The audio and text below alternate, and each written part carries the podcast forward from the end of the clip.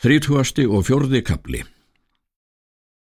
Það var um höstið þá er skip höfðu komið til Íslands á Nóri að sá kvittur kom yfir að Björn myndi hafa hlaupist á brott með þóru og ekki að ráði frænda hennar og konungur hafi gert hann útlagan fyrir það úr Nóri. En er skallagrimur var þess var, þá kallaði hann Björn til sín og spurði hvernig farið væri um kvonfang hans, hvort það hefði verið gert að ráðum frænda.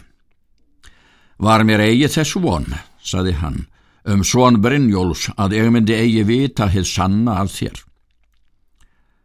Björnu sagði, satt eitt hef ég þér sagt grímur, en eigi máttu ámæla mér fyrir það, þótt ég segði þér eigi lengra en þú spurðir en þó skal nú við gangast því er satt er að þú hefur sannspurst að ekki var þetta ráðgjert við samþykki Þóris bróður hennar. Þá mælti skallagrímur reyður mjög. Hví varstu svo djarfur að þú fórst á minn fund eða vissir þú eigi hver vinátt að var með okkur Þóri?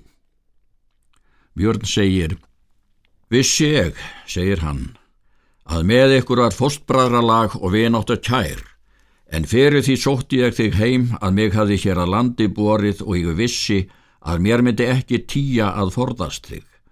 Mun nú vera á þínu valdi hver minn hlutur skal verða, en góðsvænt ég af því að ég er heimamaður þinn. Síðan gekk fram Þórólfur sónu Skallagríms og lagði til mörg orð og bað föður sinn að hann gæfi byrni eigi þetta að sög er þó hafði hann tekið við byrni. Margir aðrir lögðu þar orð til. Kom þá svo að Grímur sefaðist og sagði að Þórólfur myndi þá ráða og tak þú við byrni og ef þú vilt, ver til hans svo sem þú vilt.